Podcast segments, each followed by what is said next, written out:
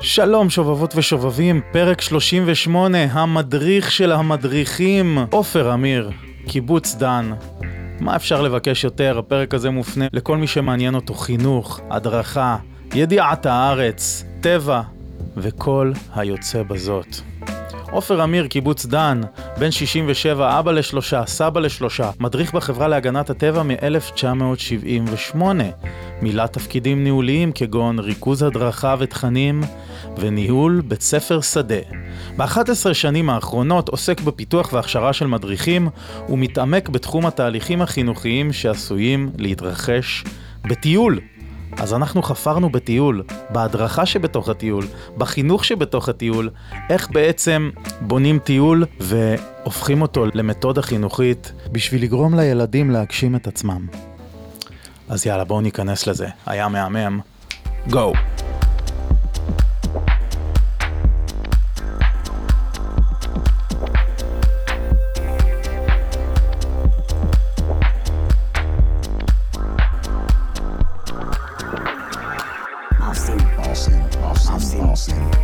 יואו מה עושים? הפודקאסט שלי, דניאל ברון. יא בדה בדו. שלום, מה עושים ומה עושות? בוקר טוב. כאן מהבוקר הקריר, נעים, צונן. פרק מספר 38 עם עופר אמיר. גבירותיי ורבותיי, כפיים. כפיים מהחורשה בקיבוץ דן שאנחנו יושבים בה כעת. ציוץ הציפורים סביבכם. עופר, שלום. בוקר טוב. בוקר אור. תגיד לי, עופר, אני רוצה להבין אה, למה לקחת אותנו לפה לחורשה. היות, רק אה, אני אסביר למאזינות ומאזינים שאנחנו תושבי קיבוץ דן, שנינו, בימים אלה. אתה כבר אה, הרבה ימים, אני כבר שלוש שנים. אני כבר הרבה ימים. מרבית חיי אני פה. מרבית חייך. מה, מה זה החורשה הזאתי? איפה אנחנו יושבים? אפשר קצת לתאר גם תיאורים ויזואליים למאזינים. כן, חורשת אקליפטוסים של uh, כמה שכבות, כמה שורות uh, טובות, שיושבת ליד תעלת מים, שהולכת מתל דן אל uh, אזור הדגים ממזרח לקיבוץ. והיא היוותה תמיד uh, מחסום uh, עד 1967 uh, כנגד תצפית, או בכלל, uh, מול הגבול הסורי. והעצים גדלו, העצים גדלו, גדלו, גדלו, הם עצי ענק של... ממש גדולים, כן. מעל עצי יער ענקיים. אה, והיא די מוזנחת הייתה, והחלטתי יום אחד שצריך, אה, שאפשר להשתמש בה למקום של, של צל, של לשבת, יש פה מים, יש פה צל. אז ניקינו אותה עם הקהילה, בנינו בה כמה דברים פשוטים, וכיף לבוא לכאן. ואם ב... לדבר, אז מדברים בחוץ, לא מדברים בבית. בעיקר מדובר על בנייה בבוץ, בנייה של, אה, מהחומרים שיש כאן מסביב, מעץ, גזעים. זה כמו כפר אקולוגי קטן, אפשר להגיד. לגמרי. אה, ממש כיף ויפה. אז יופי, מפה אנחנו מקליטים בבוקר. אה, רציתי לשאול, עופר, שאלה מאוד רצינית וערכית. אם היית מסלול טיול, איזה מסלול טיול היית? איך קוראים לו? תן לי אחד בישראל. אחד זה קשה, אבל זו שאלה מאוד מעניינת בתחילתה, כי בדרך כלל שואלים אה, אם היית גדול, מה אתה היית רוצה להיות, ופה אתה שואל נכון. אותי אם אתה מסלול. כן. זה קצת מרחיב את היריעה ועושה אותה מעניינת. כן. אה, אני אחלק את זה לשניים, הייתי מסלול אה, בעלייה, מסלול עולה. גדול. אפשר תמיד גם לרדת אותו, אבל אני מעדיף שזה יהיה מסלול בעלייה, כי יש בזה אתגר והתמודדות, ותמיד כשמגיעים לפסגה אז מרגישים טוב. והייתי בוחר או מדן לפסגת הפסגות הגבוהות של החרמון שבידינו, זה הפרש של אלפיים מטר. אה, אני אוהב באותה מידה גם את הצד השני לטפס מקריית שמונה למנרה. Mm. אה, ויש עוד אחד שאני מאוד מאוד אוהב, הייתי בוחר להיות מסלול כזה, מהכנרת להר מירון. הפרש גובה של אה, סביבות ה-1500 מטר. אמ, כמה זמן זה המסלול הזה לעשות בהליכה סבירה? אה, יומיים. וואלה. יומיים זה טוב, זה אפשרי, דרך נחל עמוד, mm. וזה נחל מירון, ועולים אל הפסגות של. המירון. טוב, הנה, אז uh, רציתי לצאת פה גם עם מסלול טיול נחמד לעשות. הצלחת. לנתיבי הלכת יומיים בטבע והגעתם להר מירון. עכשיו uh, בוא ספר לי ככה, שנכיר אותך, uh, אני אשמח שהמאזינים גם יבינו, אני ועופר הכרנו בקורס מדריכי ליקוד של שימי רף, ומאז נפגשנו פה ושם בקיבוץ, פתאום הייתי רואה אותך מכין קמח אורגני ומביא לי, פתאום קולע פה סלים, פתאום אה, עושה שם מלאכות עתיקות למיניהן. אז uh, רציתי שתספר בממש כמה שורות, שתי שורות, שלוש, מי אתה, מה הקשר שלך לחברה להגנת הטבע, ואיזה פרויקט משמעותי אחד שאתה עושה בימים האלה שמתאר אולי את הפעילות שלך בזמן האחרון. Uh, היום אני חבר קיבוץ דן מאז 1987. באתי לאזור הזה להדרכת טיולים בחברה להגנת הטבע. אז הגעתי לקיבוץ דן אחרי פרק של הדרכת uh, טיולים בחברה להגנת הטבע בבית ספר שדה חרמון. Uh, והשתקענו כאן כמשפחה, uh, שלושה ילדים, שלושה נכדים כבר. Uh, וכל חיי אני חושב שמאז שאני, אפילו לפני הבגרות שלי, מכיתה י' אני עוסק בהדרכה וחינוך. בעצם המוקד שלי הוא ההתמסרות לתחום החינוכי. אה, גם טיול, למרבה הפלא, זה עיסוק אה, בחינוך, עיסוק מש, משמעותי מאוד בחינוך. אה, וזה מה שמעסיק אותי ב... בימים האלה. הדבר המשמעותי ביותר שאני עוסק בו ממש בתחום הזה היום, שנולד מתוך הכשרת המדריכים והליווי של המדריכים בטיולים, הוא ההסתכלות על איך אפשר להוציא מטיול או משהייה בחוץ את המקסימום האפשרי מבחינת ההתנסויות, מבחינת הכלים לשהות בחוץ, מבחינת הערכים, מבחינת ההתנס... כל דבר שבן אדם עובר ברגע שהוא צעיר עד שהוא בוגר, וזה תהליכים חינוכיים מאוד מאוד עמוקים שאפשר לעשות בחוץ. ומהניסיון שלי בטיולים, ובהדרכת טיולים ראיתי שזה לא ממוצה עד תום. אז אני היום עוסק בפיתוח של אה, דרך הסתכלות, גישה אחרת לגמרי, מה עושים בטיול אה, כשיוצאים החוצה. וחבר'ה, זה הפודקאסט שלנו בעצם, הוא ברובו יעסוק בסוגיה הזאת. אנחנו עשינו שיחה מקדימה והגענו למסקנה שזה בעצם הנושא הכי משמעותי לעופר להעביר לנו. יש פה הרבה כלים ופילוסופיה שלדעתי גם אפשר לקחת אותה הלאה לכל מיני אזורים אחרים בחיים. אז, אה, אז זה לגבי זה. בוא לפני שנתחיל באמת לחפור בסוגיה, ספר לנו על הפלטפורמה שלך לעשות את זה, שזה בעצם החברה להגנת הטבע. ו... אה, מקומך שם, ואולי גם לבורים כמוני שהגיעו מתל אביב. מה זה בדיוק החברה להגנת הטבע? כי כמובן שכולנו יודעים, אבל אני לא יודע לעומק את התפקיד שלה, את ה... מה התפקיד שלה בישראל, זה הרי בכל זאת חברה שהיא...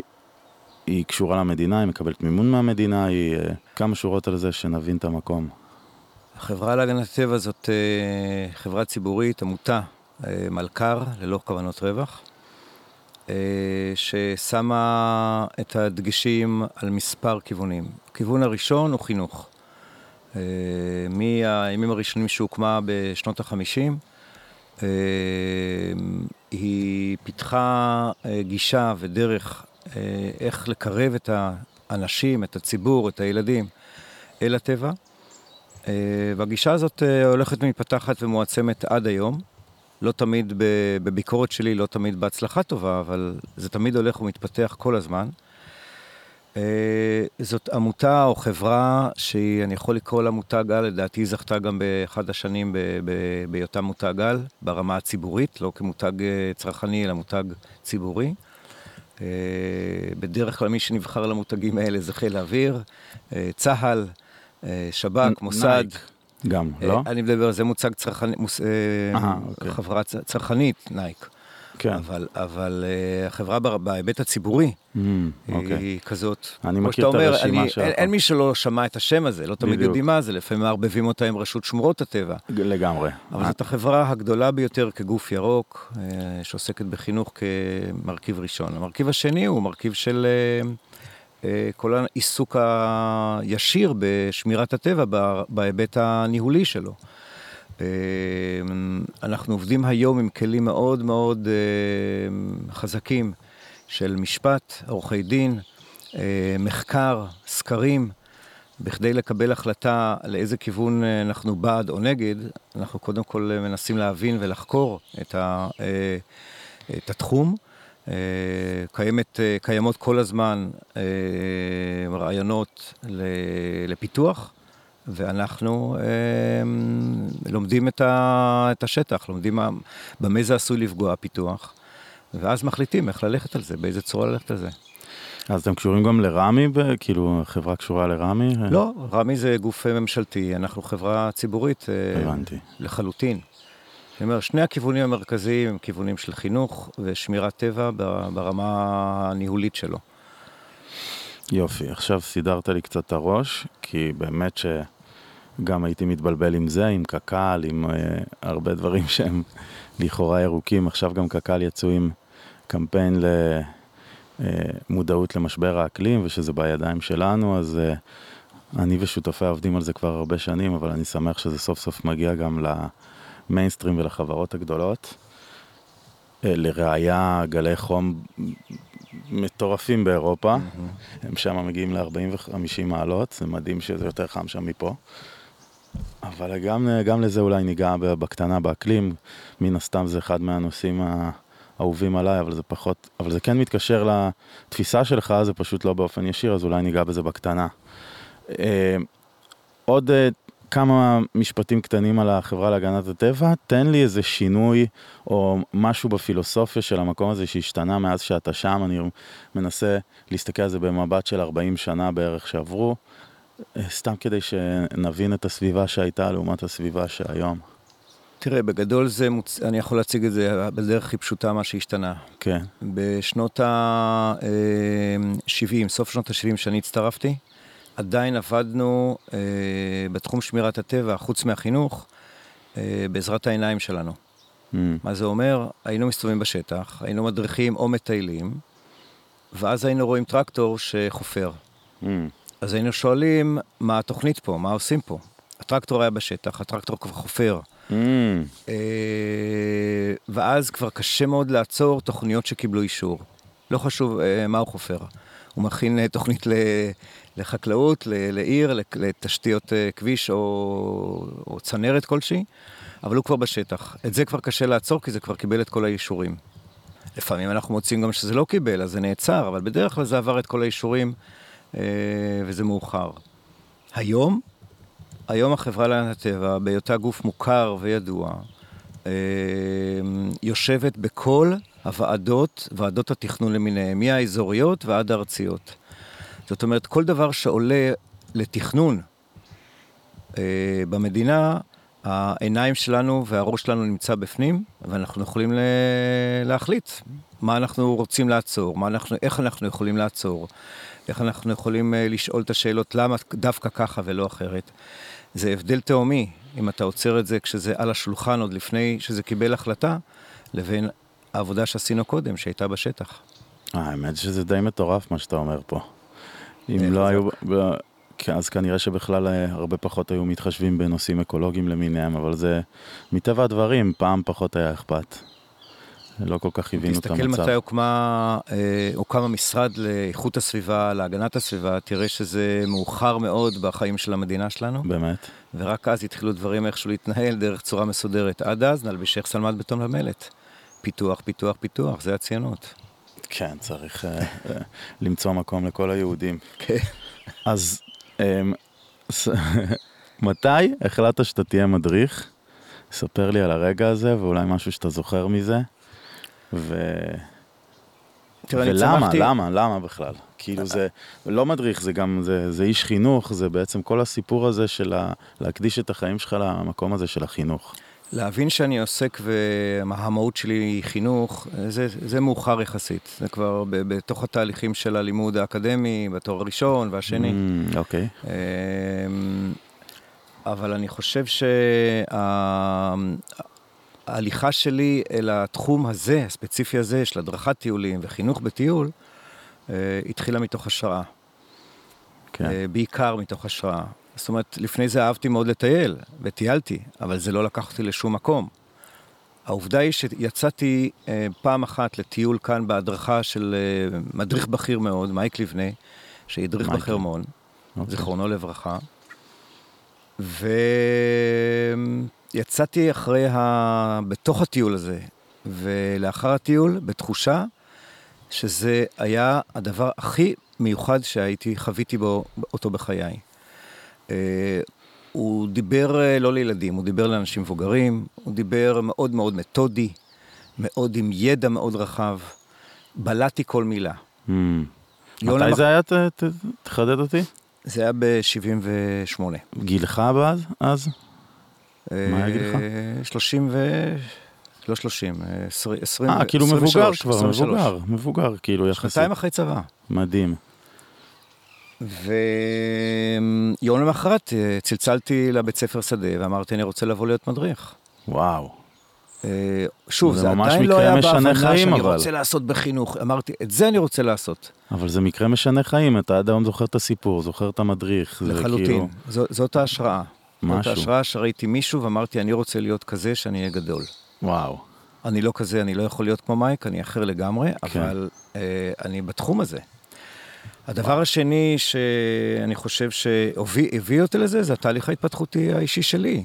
כילד בקיבוץ, כילד שהוא לא לומד בכיתה, לומד הכל בחוץ, אה, מסתובב המון בתוך חצר הקיבוץ והמרחבים הקרובים לקיבוץ. הנגיעה באדמה ובכל דבר שיש סביבנו, אה, גם באופן, אה, אה, באופן אישי, מתוך עניין וסקרנות, וגם מתוך מה שהקבוצה החינוכית והשומר הצעיר שהייתי בו יצר בנו, זה המון נגיעה בסביבה. מתחילים לעבוד יחסית מוקדם, שעה, שעתיים ביום. אתה יוצא לשדה בבוקר, אתה נוגע באדמה שהיא רטובה אחרי ההשקיה, אתה הולך בתוך הבוץ, אתה מרגיש את הדבר הזה, קר לך, נעים לך או לא נעים לך, אבל זאת חוויה שנחרטת לכל החיים. ואני חושב שהתחום הפיזי של נגיעה בחוץ הולך איתי עד היום. אני רואה מה אני עושה היום, איך אני מבין שאנשים מתחברים, זה רק דרך נגיעה וזה התחיל משם. זאת אומרת, יש פה שני ערוצים, ערוץ אחד הוא ההתפתחות האישית. הדרך שבה אני התחנכתי והתאפשר לי לגדול ולעצב את האישיות שלי, והדרך השנייה זה השראה. כך הגעתי לעולם הזה של אה, חינוך בטיול. פש, ממש מרגש, אפשר לראות איזשהו חוט שני שהוביל אותך לזה, מצד שני שזה בחירה חופשית, אבל הפרדוקס, האם יש בכלל משהו כזה, נשאיר אותו לשיחה אחרת. כן. אה, אני רוצה שעכשיו ניכנס לעומק הדברים, ובאמת שהיה לנו שיחה מקדימה ממש מעניינת, ששטחת בפניי את הפילוסופיה, זה הזמן וזה הרגע, תן לנו את הפילוסופיית חינוך שלך, ו, ולמה זה, כאילו, בוא נתחיל לדבר על זה, אבל למה זה בעצם כל כך חשוב, מה זה שונה מהחינוך שכיום אה, מדריכים משתמשים בו, ו, ואיך זה עלול לשפר את האנשים שעוברים את הטיול הזה. אז התפיסה שלי שחינוך הוא תחום מאוד רחב. כל דבר שאדם צעיר מאפס ועד היותו בוגר, וגם אחר כך עוד אפשר להתחנך, אבל אנחנו מסיימים את זה פחות או יותר, שאנחנו הולכים לצבא ואחרי הצבא. אז כל דבר שאדם עובר בחייו, האירועים השונים, הדברים השונים שהוא פוגש, אה, יכולים להיות אה, כלי לחינוכו. אנחנו בדרך כלל משתמשים בחינוך כשמדברים על בית ספר. אז בית ספר נכון. זה מודל אחד שהוא, גם יש הרבה אנשים שחולקים על דרך החינוך שלו, בינוני. אבל, אה, אבל מתרחשים שם תהליכים, גם לימוד והוראה ולימוד, אלה תהליכים חינוכיים. כן, אתה יוצא לבקר. משם שאתה יודע מספר שפות ומתמטיקה, כן, בדרך אפשר לבקר כלל. את הדרך הזאת, אני אומר, לא יש, כולם גם. לי יש אישית המון ביקורת על הדרך החינוך בבית הספר, אבל אני עוסק בחינוך בטיול, חינוך בחוץ. כן, אה, אחד ה... בתפיסה שלי, אה, מה שאנחנו עשינו ופיתחנו כל השנים, רצינו לחנך אנשים שיאהבו את הטבע, יכירו את הטבע, נכון. אה, יהיו מודעים אה, לקיומו ולהשפעה שיש לנו עליו, כן. כבני אנוש בכלל וכאנשים פרטיים בפרט. אה, ועשינו את זה דרך זה שאנחנו יודעים, יודעים את התוכן, יודעים את התכנים, יודעים את מה, כל מה שקורה בטבע, יודעים את המסלולים, יודעים את ה... מכירים את הצמחים, מכירים את בעלי חיים, מכירים את היופי של כל המארג הזה שנקרא טבע, ואנחנו נלמד את האנשים. זאת אומרת, פיתחנו עם תוך אה, כל אחד בתוך, בתוך העולם שלו את הידע שלו, אתה קראת לזה walk and talk בשיחה המקדימה, נכון? נגיע תכף ל-walk and talk. אה, זה לא קודם זה? כל, כן, זה זה. אה, זה זה, זה. זה חלק מהרעיון, אוקיי. אבל פיתחנו את זה שאנחנו היודעים, ואם מישהו יוצא החוצה, וזה בעיקר תלמידים אני מדבר, אה, זה קורה גם בהדרכות של משפחות ואנשים מבוגרים, שיש מדריך, הוא לוקח אותך, הוא מכיר את המסלול, הוא מדבר, הוא מסביר.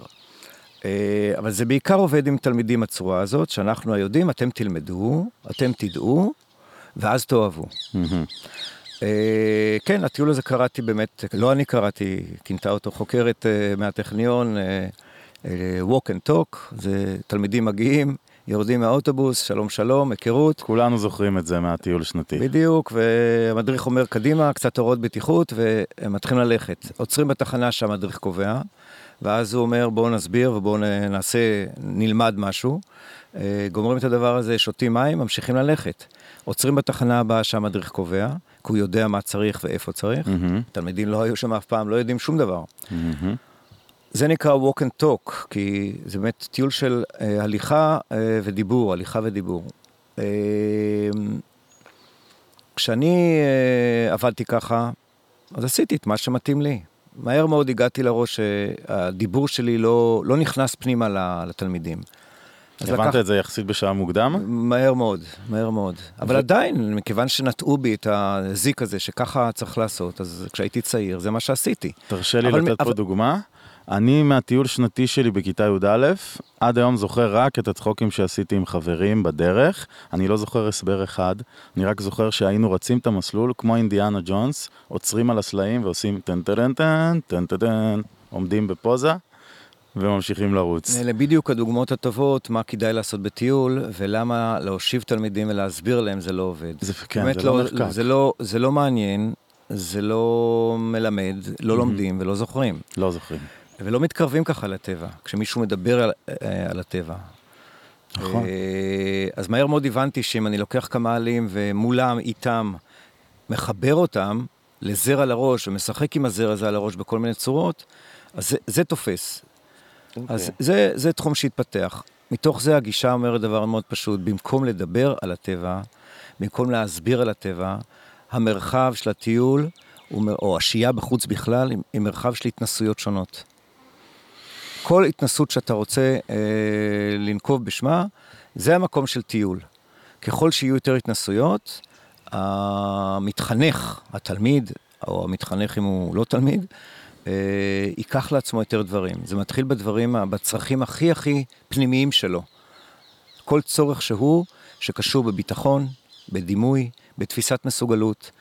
אה, בחוץ, שאני נותן לו את האפשרות לעשות דברים עם עצמו, להיות שותף ולהחליט ולעשות דברים מעצמו, הוא יוביל אותי אל האתרים השונים, אל המקומות השונים.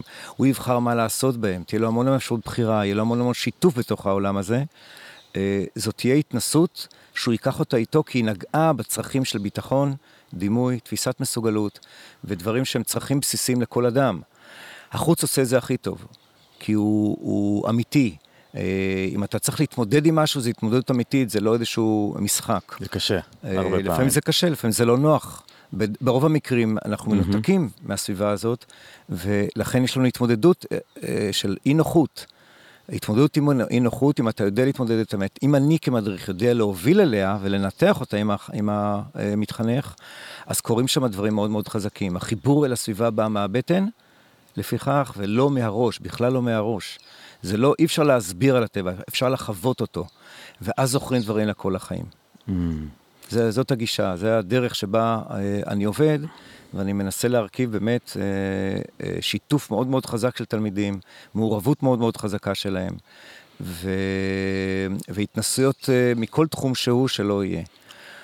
אז הנה, אני אתן לך, אני אקפיץ פה בינתיים זיכרונות שעולות לי מטיול, כי זה מעניין, זה ממש מדגיש ומדגים את מה שאתה אומר.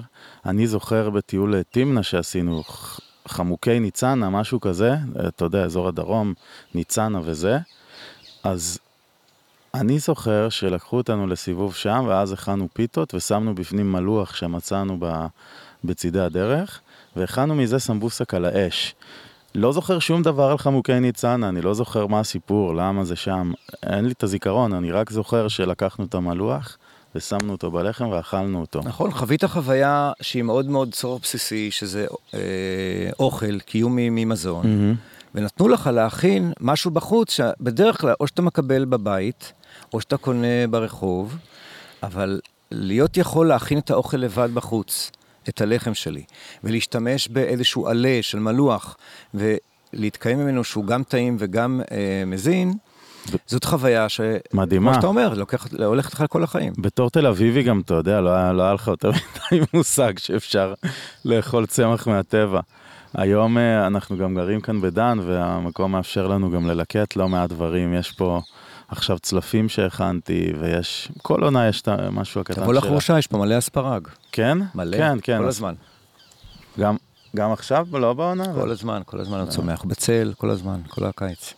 אוקיי, טוב, טוב לדעת. יאללה, אז בוא נחזור לפילוסופיה. אז, אה, אז אמרתי שהמרחב של הטיול, שנתפס פעם כמרחב שבו לומדים ומלמדים, או מסבירים או מדריכים, בעיניי הוא מרחב של התנסויות. זה כל, כל הקסם של השינוי. אה, ואם ניקח ונעצים את זה מאוד, אני חושב שנצליח. אנחנו, אה, אני מסתכל על זה כך שאנחנו ב-50, 60 שנות עבודה של החברה להגנת הטבע, שלי כמדריך, אז ההשפעה שלי הייתה מאוד מאוד מינורית על אה, חינוך. איפה אני רואה את זה? אני רואה את זה כי מרבית האנשים שהיום נמצאים כבוגרים, כמקבלי החלטות, או בצמרת הגבוהה, או כמקבלי החלטות מקומיים, מהמם.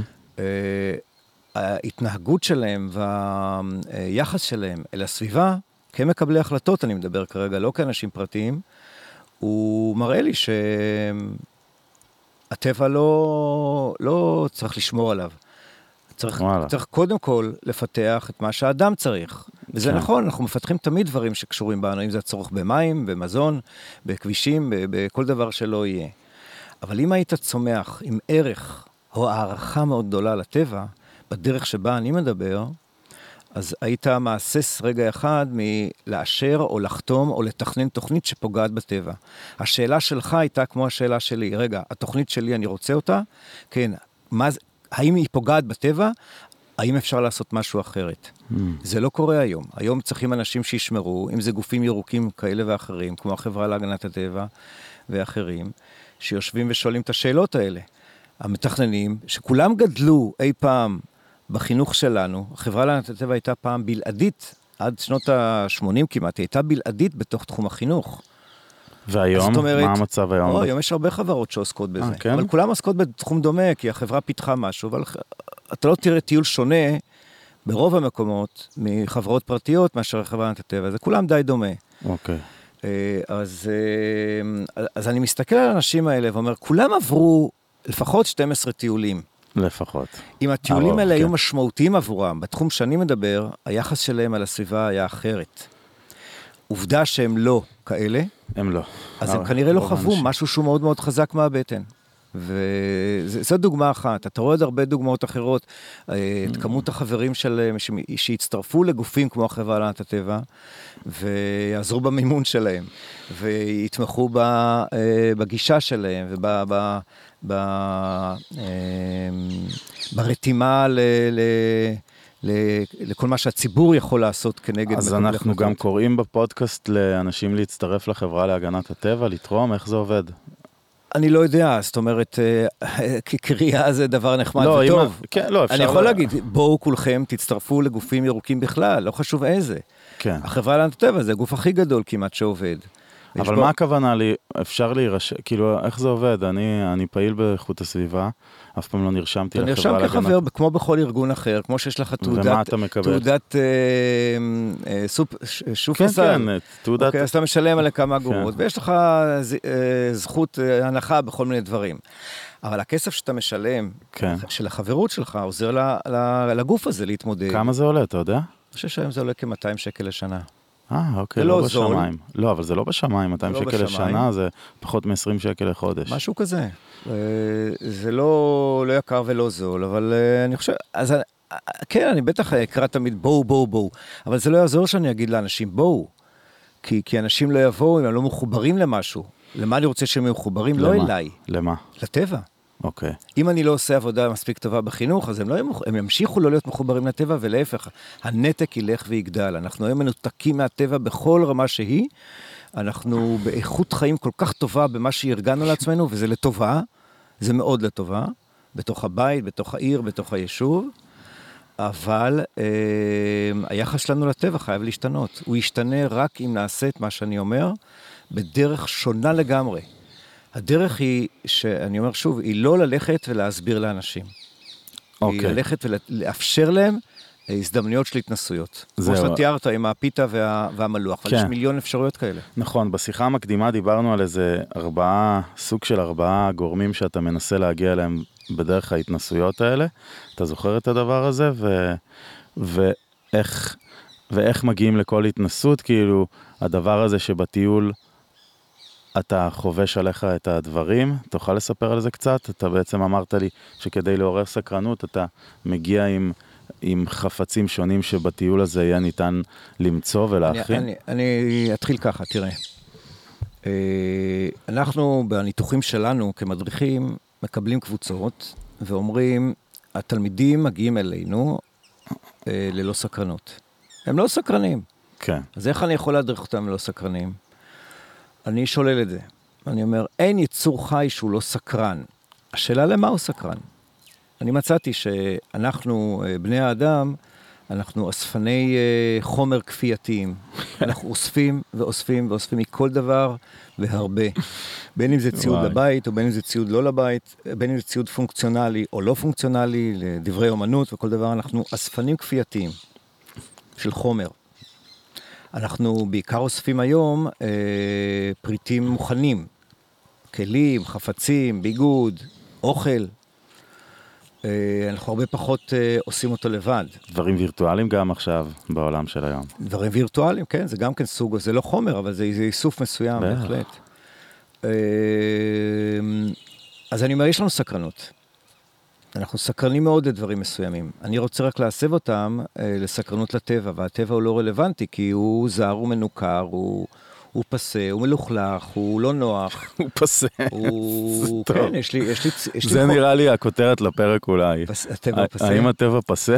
הטבע הוא פסה, כי. כי החומרים שאני משתמש בהם באיסוף הכפייתי שלי, זה. הם הרבה יותר טובים. אנחנו ממציאים והמצאנו לעצמנו חומרים שמחזיקים יותר זמן, נקיים יותר, אה, טובים יותר, איכותיים יותר. מה אני צריך את הקש מהעשב שאני אכין לי שאחרי שנה כן. יתקלקל לי ואני צריך להכין חדש? נכון. אני קונה קש ל-20 שנה, 15 שנה, אה, סל ל-20 שנה, ויש לי מוצר שהוא, קניתי אותו. אז יש כאן שני היבטים. א', אנחנו מנותקים מהחומרים של הסביבה, וב', אנחנו לא עושים, אנחנו קונים דברים מוכנים. ואת זה אני יכול לשנות. כי הסקרנות okay. שלנו, בייחוד של ילדים למוצרים, היא מאוד גדולה. לא חשוב איזה מוצרים. גם ילדים אה, לומדים מאיתנו שאפשר ללכת ברחוב ולהסתכל בחנות הרעבה ולהגיד אני רוצה את זה. לגמרי. אה, להסתכל ולהגיד אני רוצה ללכת למסעדה ולקנות את האוכל ההוא כי שמעתי שהאוכל שם מצוין. נכון. אה, אני רוצה לקחת את זה, את הסקרנות הזאת ואת הרצון הזה, ושיסתכלו על הטבע באותה הצורה. אבל שוב, אמרנו, הטבע הוא פסה, אז מה אני עושה? אני לוקח מהטבע את כל מה שאנחנו יודעים במלאכות קדומות, להשתמש בחומרים של הטבע, כמו פעם, ולהכין ממנו מוצרים. מוצרים יפים, בין אם זה חליל, בין אם זה סל, בין אם זה שרשרת יפה, בין אם זה מחצלת מעשבים, אה, בין אם זה אה, כלים קטנים מאדמה. ש... שאת זה גם הכנתי איתך בקורס, אם אתה זוכר. נכון. עשית לנו נכון. סדנה. אה, כל דבר שיש, הוא שהוא חומר בטבע, והאדם למד בהתפתחות שלו לקחת ולהשתמש בו, לצרכים של הכלים שלו, החפצים שלו, בין אם הוא יהיה פונקציונלי לשימוש של אה, כלי להאכיל משהו, או בין אם יהיה, יהיה כלי תקשורתי לטקס כלשהו, זה לא משנה. כל דבר כזה, אני שם, אני יודע לעשות אותו, למדתי לעשות אותו, הבנתי שזה חזק מאוד, זה עניין אותי, סקרן אותי, למדתי להכין, אז יש לי חלילים ויש לי סלים ויש לי שרשרות מכל הפירות שאפשר למצוא בטבע. ובדרך כלל אני בא, אה, כשאני בא מול ילדים, אני עולה עם כל הדברים האלה על התרמיל שלי, או על הצוואר שלי, או על הראש שלי, אה, ואני מחכה לראות אה, תגובה. התגובה באה מיד. כי קודם כל זה כמו שמישהו נכנס לבמה של שחקן תיאטרון, מישהו בא מחופש כאילו. כן, אני בא מחופש עם החומרים האלה. ואני רואה את התגובה של העיניים, ואני רואה את התגובה של המילים שעולות אליי, שהם שואלים אותי, מה זה, למה זה, אה, אתה עשית את זה, אני רוצה גם כזה, mm. אפשר לעשות את זה, אפשר את זה. אלה שאלות של סקרנות למוצר. נכון. והתשובה שלי היא מאוד מאוד פשוטה. אני בודק איתו שוב שהוא באמת רוצה את זה, אני נותן לו לגעת בזה, לראות את העיניים שלו שהן בורקות, ואני אומר, תראה, אם תמצא את החומר הזה, ממנו המוצר הזה עשוי, בטיול רגע, שלנו... רגע, רגע, תגיד את זה שוב, שנייה. סורי, זה בדיוק ה-sweet spot.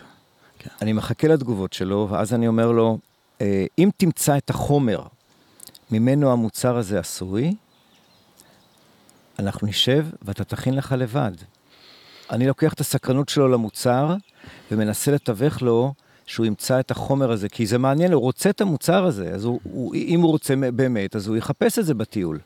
ואני גם ארתום אותו שיחפש, ואני אשחק איתו משחק של לחפש את המטמון בשביל שימצא את זה, כי אני יודע שהם רוצים למצוא, ואם הם לא מספיק יודעים למצוא, אז אני, אני אעזור להם למצוא. אבל ברגע שהוא מוצא את החומר, אנחנו מתיישבים ועושים. מבחינתי טיול זה ללכת ולמצוא חומרים ולשבת ולעשות את המוצרים. זו החוויה הכי גדולה שיש, זאת ההתנסות הכי גדולה שיש. זה מהפכני לגמרי לכל הסוגי אה, הדרכה שחוויתי. לחלוטין, זה מהפכני וקשה להשגה בגלל שהמערכת אה, מבינה טיול אה, כמו שעושים שיעור בכיתה. מה זה אומר? אנחנו יודעים מה צריך לעשות, אנחנו נכון, נסביר לכם. נכון, נכון. אנחנו מלמדים אתכם, אתם תלמדו. כן. פה אני אומר, אתם תלמדו, אבל בדרך שלכם, מהעיניים שלכם. בחרת כי זה מעניין אותך, תמצא, תחפש, תסתקרן, עכשיו תשב ותלמד לעשות את זה. העבודה בידיים להכין דברים היא החיבור הכי חזק שיש לטבע.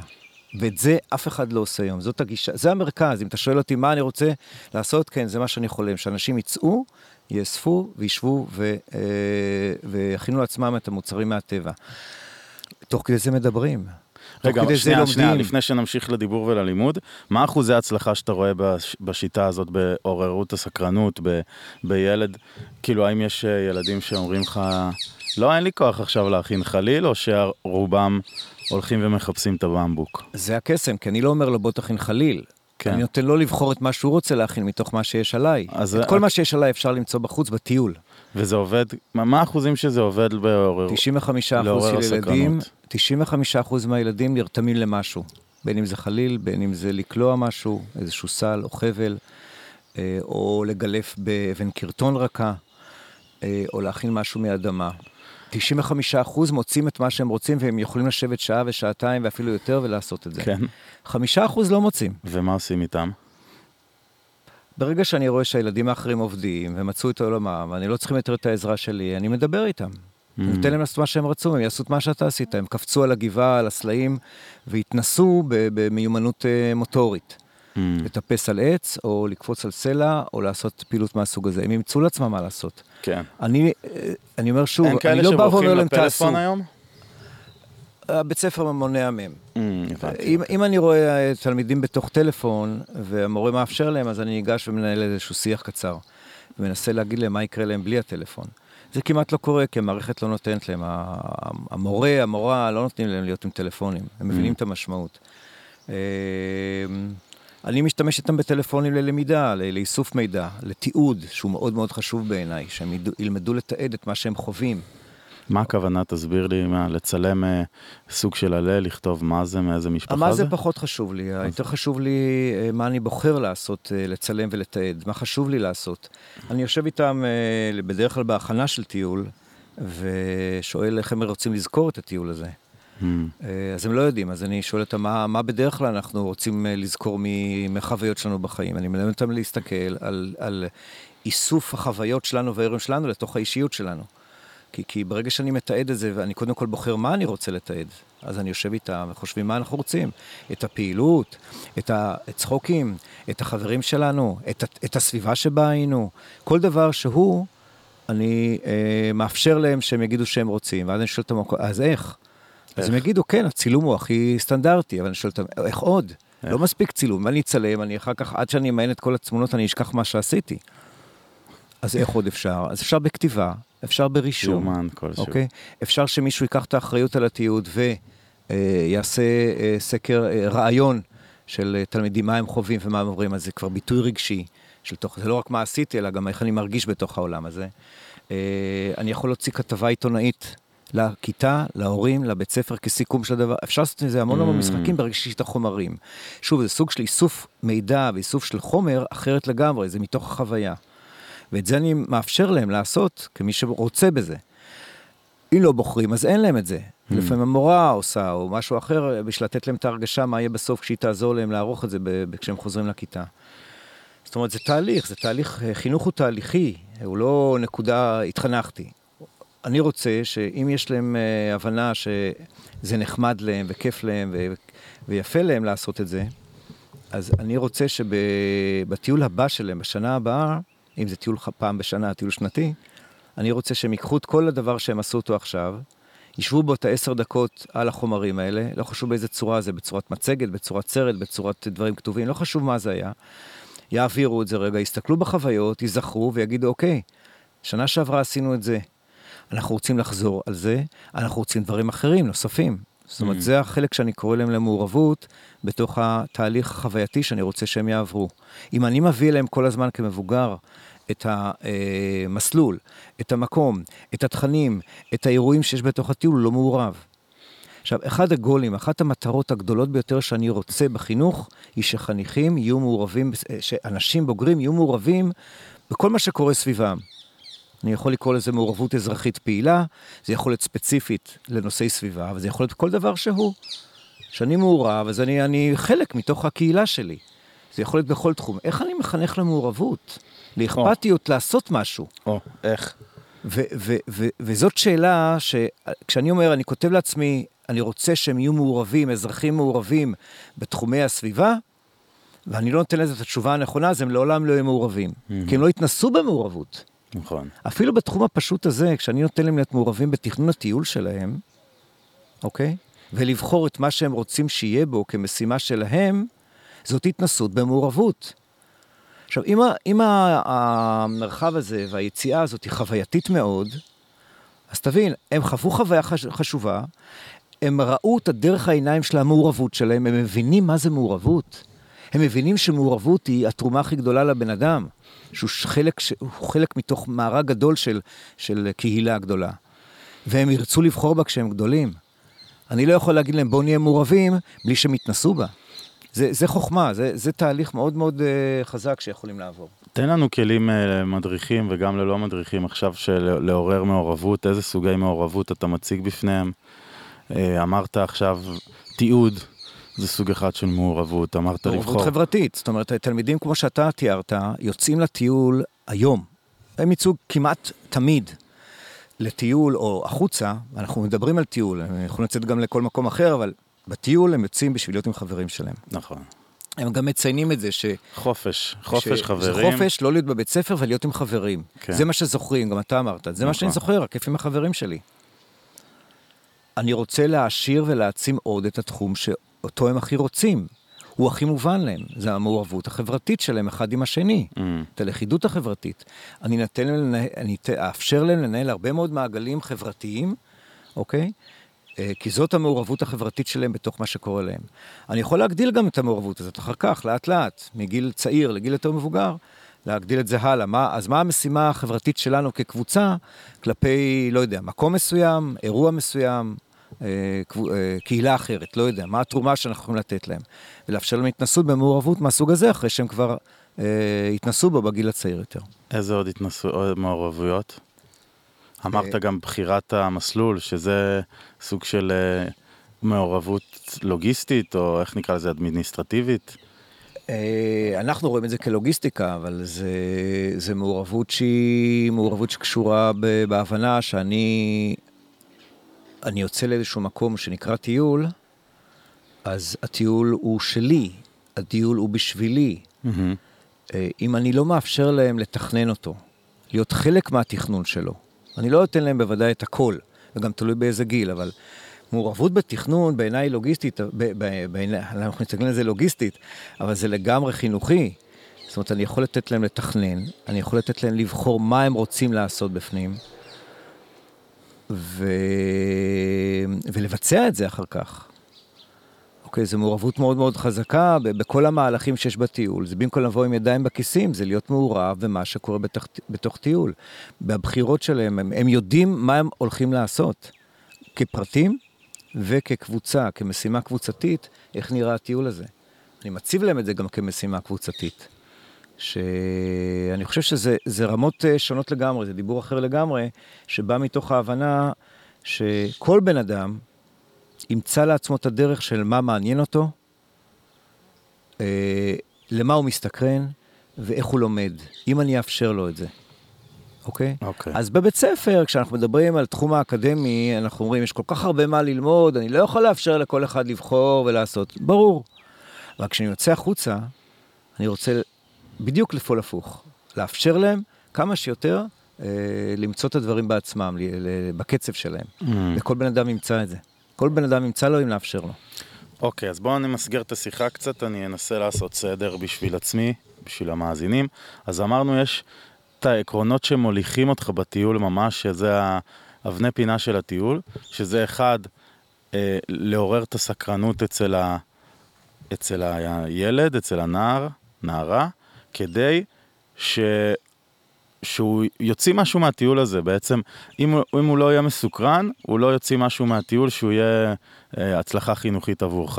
זה דבר אחד, לעורר את הסקרנות. דבר שני זה לתת לו אחריות, להציב, לתת לו משהו לעשות, שיהיה בתכנון הטיול, אם זה אה, לתכנן את הטיול, אם זה לתעד את הטיול. בשיחה המקדימה אמרת לי גם אוכל, להכין את האוכל, שזה משהו מאוד חשוב. אז זה נושא האחריות. אז יש לי פה נושא אחד סקרנות, נושא אחד אחריות, וקודם התחלת לומר משהו על מעבר לכל הסקרנות והמשימה שלך שהתלמידים יעשו משהו בידיים, שיש לך, שיש גם את הקטע של הדיבור. והתחלת להגיע לזה ועצרתי אותך, אז אם אפשר, אה, אפשר לחזור לנושא הזה, של מה קורה בשלב הזה שאתה כן רק מדבר איתם במרכאות. תראה, מדבר על זה בכמה תחומים. אני מדבר איתם כל הזמן, אה, כי, כי אם אני לא אדבר איתם, אני לא אהיה קרוב אליהם ולא אכיר אותם ולא אתעניין בהם, אז הם לא, לא ינטו ל, ללכת איתי, mm. ברעיונות שלי. אבל אני מדבר על, הדיבור שאתה מדבר הוא הדיבור של מדריך, דיבור של הסברים. כן. Uh, מה אני מסביר? כן. האם אני מסביר? כן. אז uh, ברגע שאני עוסק בטבע, בנגיעה בחומרים של הטבע, בוודאי שעולים הסברים. כי, כי אמ, אנחנו מטפלים בקנה, באב קנה כזה, שמכינים ממנו צפצפה או חליל. אה, ועולות המון המון שאלות של אה, תוך כדי העבודה, של האם זה מספיק אה, קשה, או אם צריך לעבוד בזהירות ולנסר אותו בזהירות שלא יישבר. Mm. אז החוזק של החומר. למה הוא חלול? רגע, למה הדבר הזה חלול? מה זה? כן, עצים לא חלולים. זה גזע, זה ענף, מה זה הדבר הזה? פתאום רואים שהוא חלול. אני, אני רוצה ליצור ממנו צליל, אני משתמש בחלילות שלו, בזה שהוא חלול, כן. בשביל ליצור צלילים. נכון. אז אנחנו מדברים על, על, על המושג על הפונקציונלי שאני רוצה לנשוף, ועולות השאלות, ואז עולים ההסברים. ההסברים נובעים מתוך הנגיעה בחומר והעיסוק בו, והפונקציונלית שלו, ואז עולים הסברים. הם לא הסברים שעכשיו בואו נלמד על קנה כי, כי הוא צמח מיוחד. Mm. אה, ואז יותר קל, בגלל שאתה פועל איתו, אז לקשר את זה לפעולה ואולי גם לזכור מזה משהו. זה נשמע שזה מתקשר יותר במוח, לחלוטין, הזיכרון. לחלוטין. ברגע שאתה עושה משהו ואתה שואל את השאלות עליו, אתה, זה, זה, זה זיכרון לטווח אה, אינסופי. אוקיי, אז ת, בוא, בוא עכשיו נוריד את זה לצורך העניין מדריכים מקשיבים. אז אני רוצה להוציא מפה את אבני הפינה של הטיול בשבילך בתור, אה, בוא, בוא נגיד בתור אה, פרויקט שמחנך אנשים. אולי, אתה יודע משהו, אפשר לחזור לפני זה למה מטרות הטיול בעיניך? נחזור לזה שנייה, כי פספסנו את זה בהתחלה. מה מטרות הטיול בשלושה בולטים, לא לחפור על זה, כאילו, שנבין מה מטרת הטיול, ואז אני רוצה להוציא את המתודה להשיג את זה, ואז אה, אולי את הערכים איך למדוד אם הצלחת או לא. אני אתחיל במה שאתה אמרת, אה, השתמשת במושג לתת, אני אתן לתלמידים.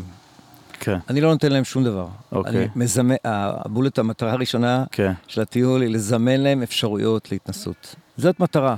אני, אני, אני מבין את הסביבה הזאת, ואני מזמן להם אפשרויות להתנסות. אני מכין אותו כך שהוא יבחר והוא יתנסה. זאת המטרה. אני רוצה, המטרה שלי, הוא שהוא יחווה אה, משהו שהוא מאוד חזק, אנחנו קוראים לזה חוויה מאוד משמעותית, אוקיי? שהוא מבין אותה, שהיא רלוונטית לו. זה יכול להיות בהיבטים האישיים, כמו שאמרתי, הצרכים הבסיסיים ביותר, המסוגלות, הביטחון, הדימוי, אוקיי? כן. אבל זה יכול להיות גם שביעות הרצון ותחושת הכיף, שעשיתי משהו לבד, הצלחתי לעשות משהו לבד. כן. הצלחתי להכין לי משהו, אם זה אוכל או אם זה חפץ. בחיים לא חשבתי שאני מסוגל, לא יכול. אה, זה יכול להיות מתפיסת מסוגלות שמשתנה עקב ההתמודדות שלו.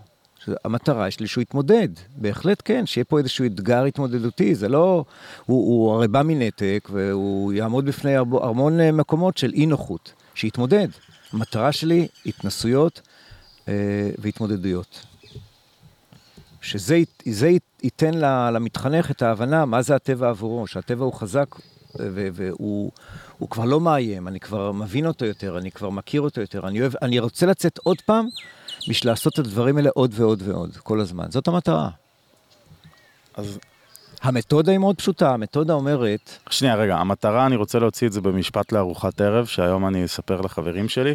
המטרה זה לעורר התנסויות והזדמנויות להתרחשויות שיכולות לקרות לי רק בטבע. נכון. אני אתן את הדוגמה הזאת אה, בצורה אחרת, זה בדיוק ככה. אוקיי. זה מה שאמרת, אה, לעורר את הרצון להתנסות. לומדים בבית ספר על אה, פרשות שונות מהמורשת שלנו במקרא. בואו ניקח סתם את דוד וגוליית. כן. למדו בבית ספר את כל הפרקים הקשורים בפלישתים וישראל. יוצאים לטיול שקשור בדבר הזה. כי הבית ספר אמר, אנחנו רוצים לבקר באתרים שהדברים האלה קרו בהם, שאנחנו חושבים שקרו בהם האירועים האלה. לאן יוצאים? יוצאים לשפלת יהודה. יוצאים okay. אוקיי. לתל הזקה, אוקיי, יוצאים לאזור בית גוברין. כן. אה, עמק האלה, שם הדברים כנראה קרו, אולי קרו, אולי כן, אולי לא, אבל אנחנו מתארים שכן. עולים לתצפית, ואז ההדרכה בדרך כלל היא חזרה על מה שלמדו בבית הספר, מספרים את הסיפור, כי באנו לפה, אז לא נספר את מה שקרה פה, כן. אבל התלמיד למד את זה בבית ספר. כן. אז יצאתי והסברתי לו פעם נוספת, וכולם מבסוטים, כי התלמידים אומרים, איזה כיף אנחנו זוכרים, נכון. המורים אומרים, וואלה, התלמידים שלנו יודעים, אני, אני בסדר, הם למדו משהו, וממשיכים הלאה. כן. אבל uh, זאת לא הדרך. זאת אומרת, כשיצאת החוצה אל הסביבה, יש בה משהו אחר. כי הסיפורים האלה קרו לאנשים, דוד וחבריו, כן. פה.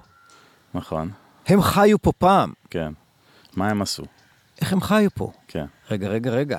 אני חי היום, אני יודע איך אני חי היום, אני יודע מה אני אוכל, אני יודע מה אני לובש, אני יודע איזה חפצים וכלים יש לי בבית, איך נראה הבית, אני יודע הכל. ופה הרלוונטיות. אבל מה היה להם? איך הם הכינו אוכל, איך הם שמרו על האוכל, איזה ביגוד היה להם, איזה כלים היה איך הוא הכין לעצמו בכלל את הדבר הזה שנקרא קלע, שסובב אותו ופגע לו בול בפוני. מעניין.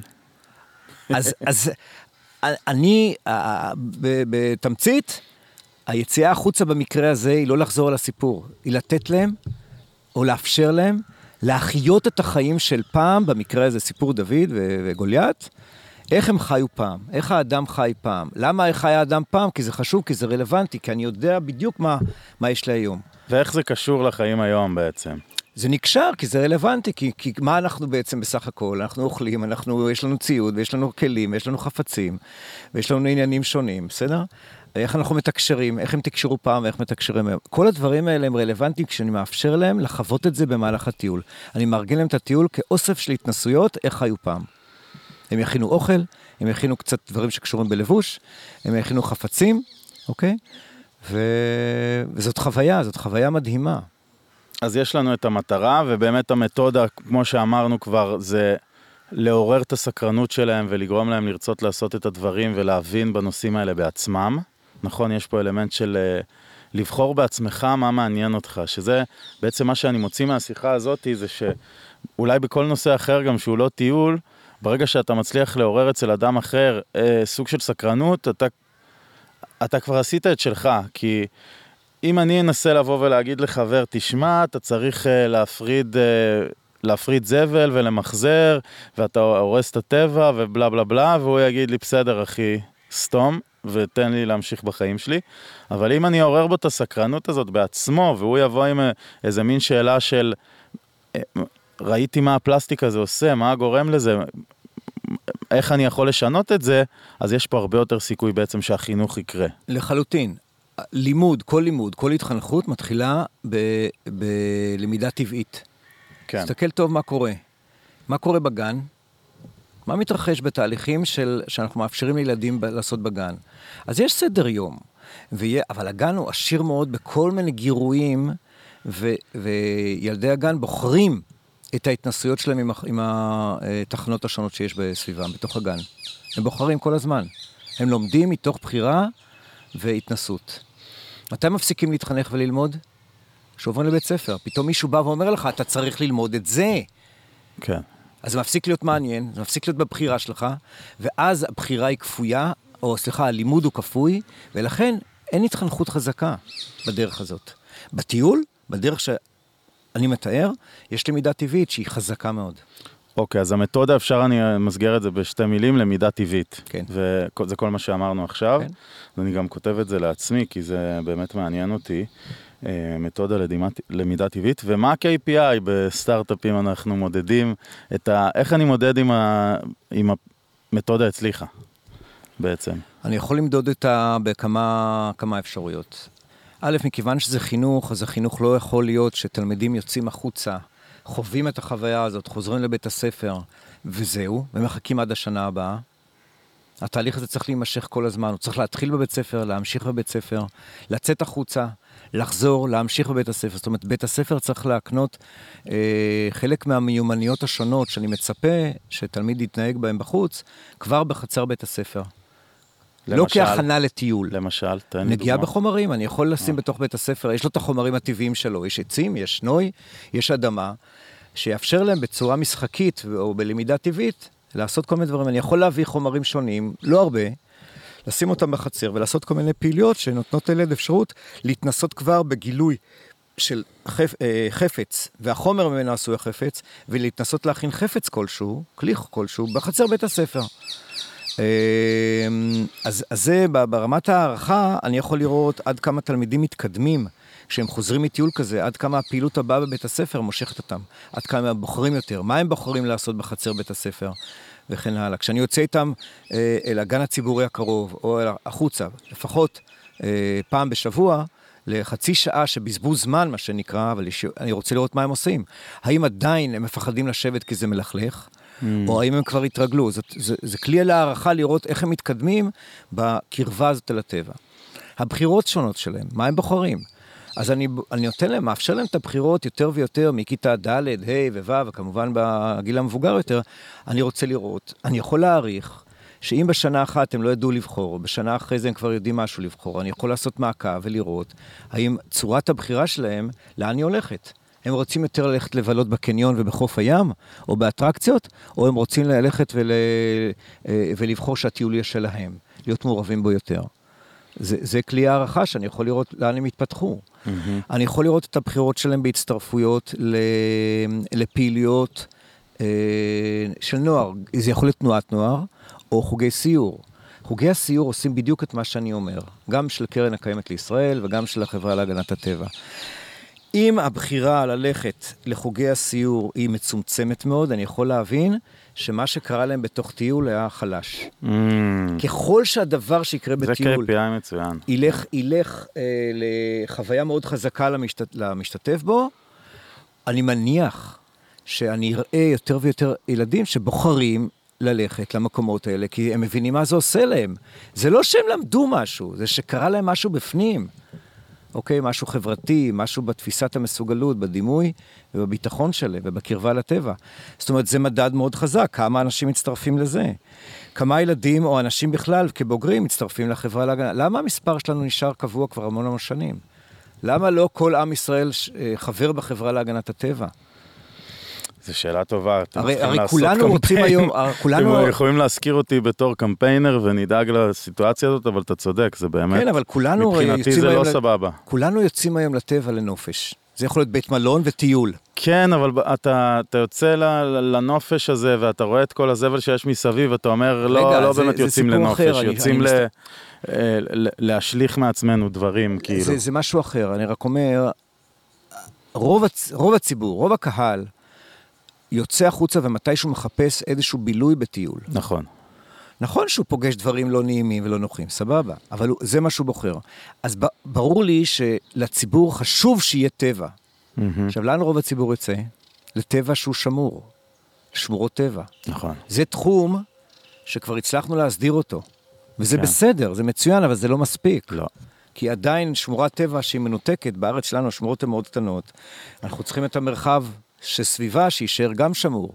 לא חשוב, ב- אנחנו קוראים לזה השטחים הפתוחים. וגם לעשות מסדרונות לחיות. נכון, זה בדיוק. העניין. עכשיו... אה, תקשיב עופר, אני רציתי, סורי שאני לוקח את זה שנייה למקום אחר, רציתי שנתחיל לעבוד פה על קמפיין למען אה, ליצור מעברים מתחת לכבישים לחיות. מה אתה אומר? קמפיין מעולה. אולי ניקח את קמפיין זה. מעולה, תסתכל כל יום בבוקר כשאתה נוסע, אני כמה לא חיות יכול לראות. את זה כבר, תקשיב, זה מדכא אותי כל יום, אני כל יום רואה טנקי פוד, לוטרה, לא יודע מה ראיתי שם, כבר ראיתי לוטרה או אני בונה, לא אני יודע. מנופחת בצד הכביש, איך הגעת לשם?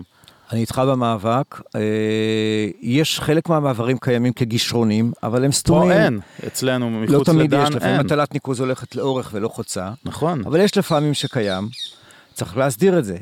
בהחלט אפשר לעשות את זה, אני איתך בקמפיין.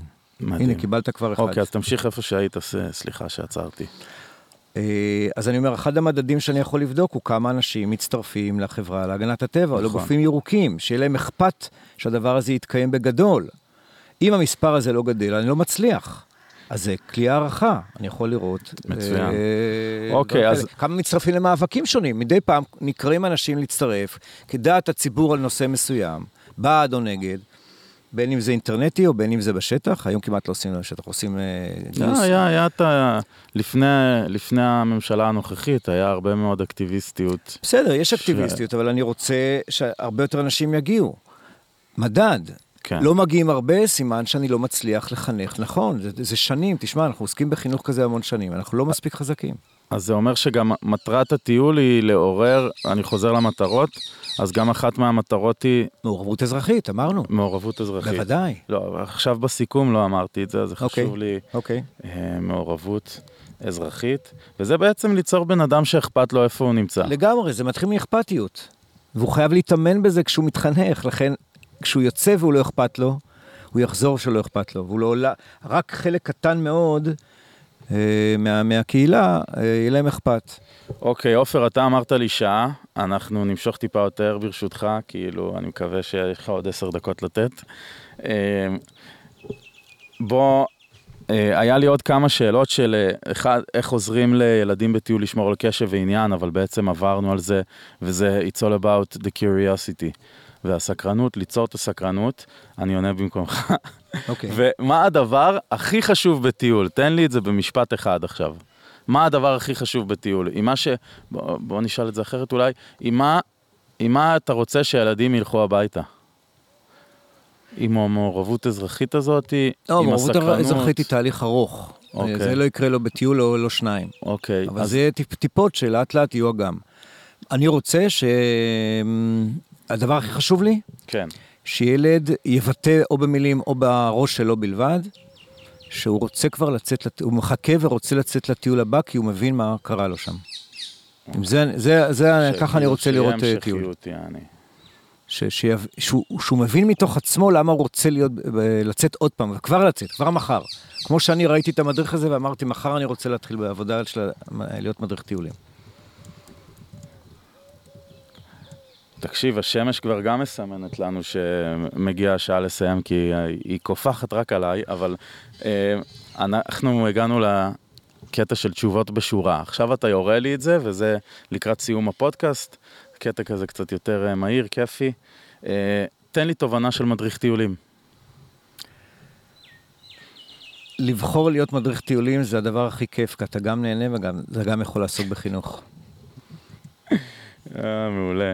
אה, מה אתה עושה כשאתה קם בבוקר? את אותם- הדברים אבל לאט. כן, בסדר, חמש דברים, כאילו כל אחד יש את הטקס בוקר שלו. חמש זה המון, אין לי טקסים. אין לך טקס? לא, מה אתה. עושה בבוקר? אתה קם. אני, קם, אני ישר מניע והולך לעבוד, לא שותה קפה, באמת? לא שותה מים. לא מאמין לך. בין אם זה לשבת על המחשב ולכתוב שצריך לכתוב, או בין אם זה לצאת קפה? החוצה. לא יש קשה. הרבה מאוד, מכיוון שאני עובד בכל הארץ עם מדריכים, אני רץ לקצוות. אה, אני קם, מניע את האוטו ונוסע לאילת. גדול. אה, ארבע בבוקר, לא שותה כלום, לא צריך. אני מניע מיד. כוס מים. לא צריך, כי אני אני מיינדד. יש לי יש לי שליחות אה, להספיק לעשות. על זה דיברנו גם בתחילת, לפני שהקלטנו, על זה שאמרתי שאני לא ישנתי הרבה, כי היה לי מלא משימות בימים האחרונים, אתה אומר לי, יופי, לא צריך לישון. אם אתה חדור מטרה, אתה לא צריך את זה. יפה, זה... כנראה שהייתי צריך לשמוע את זה היום.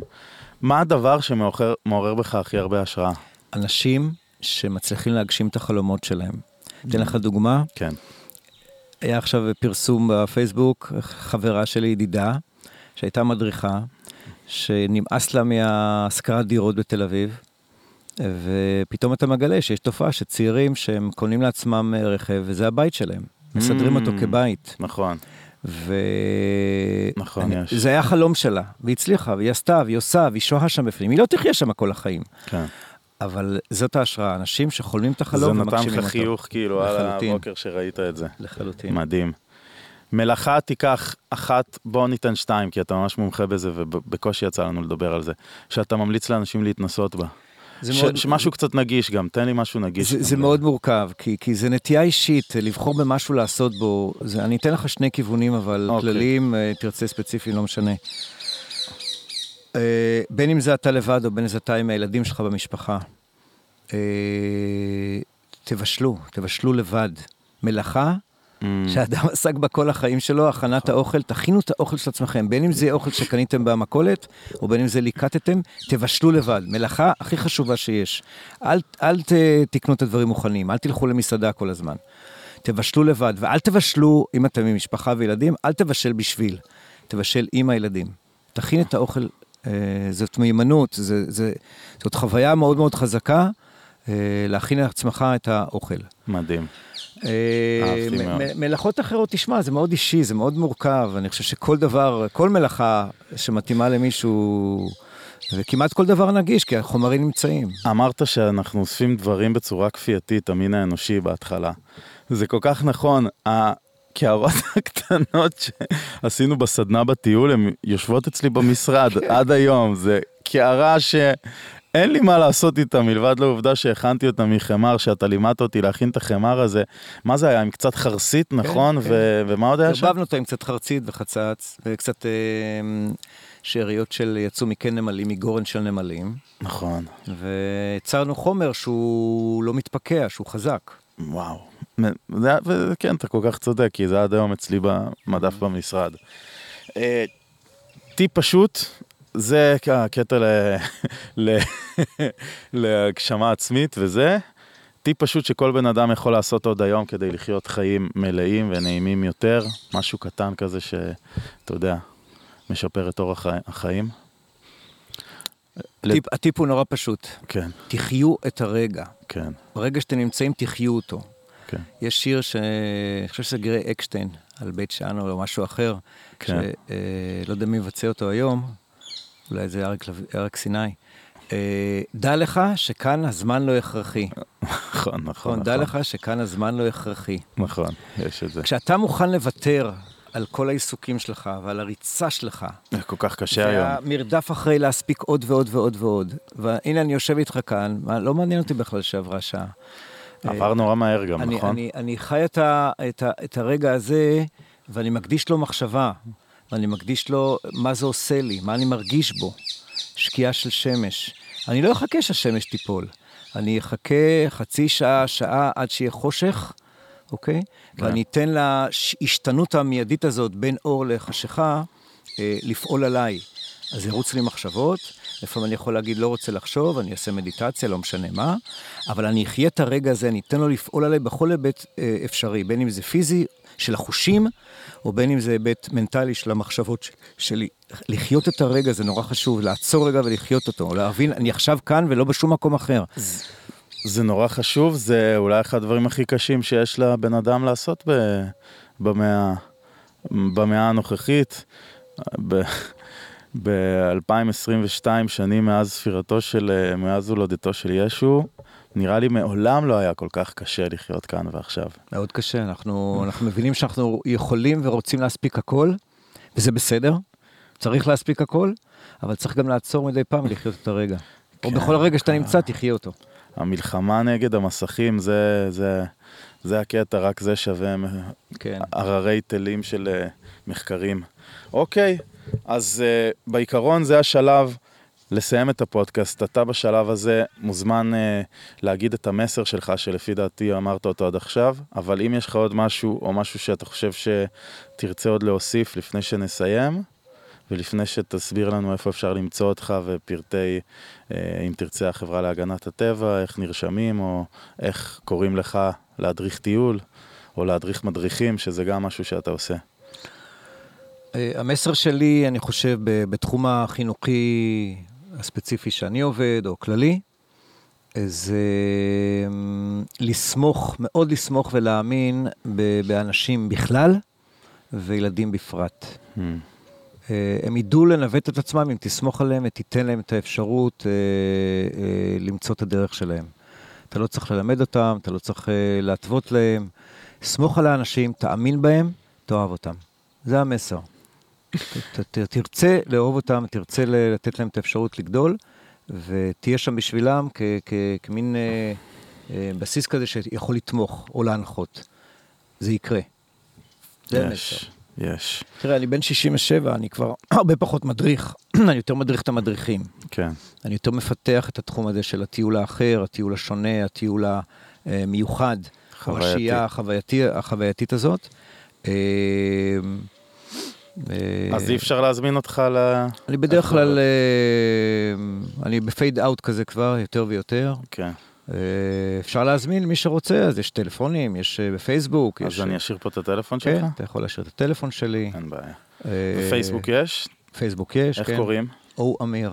או אמיר. זה דף או שזה בן אדם? כאילו, אתה שואל אותי שאלות נורא קשות, אני יכול כאילו- להגיד לך איזה עץ זה, אבל לא איזה דף. תשלח לי לינק, תשלח לי לינק שאני אשים בסוף של הפרק, אוקיי? של האתר שלי בפייסבוק? כן, בסדר. בקרוב יצא גם לי אתר, אז יכול להתחבר לאתר. מדהים. אוקיי, עופר, תודה רבה. אני רציתי לעשות את הפודקאסט הזה כל כך הרבה זמן, סוף סוף זה קרה. יאללה, אולי נעשה פולו-אפ גם אה, אם יהיו התפתחויות בתחום מצדך, תעדכן אותי. בכיף. אנחנו נסיים פה את השידור.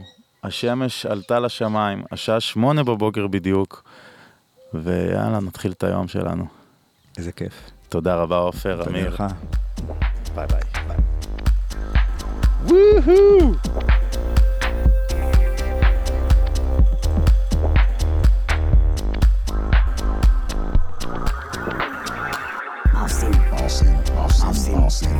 יואו יואו, מה עושים? הפודקאסט שלי, דניאל ברון. יא בדה בדו.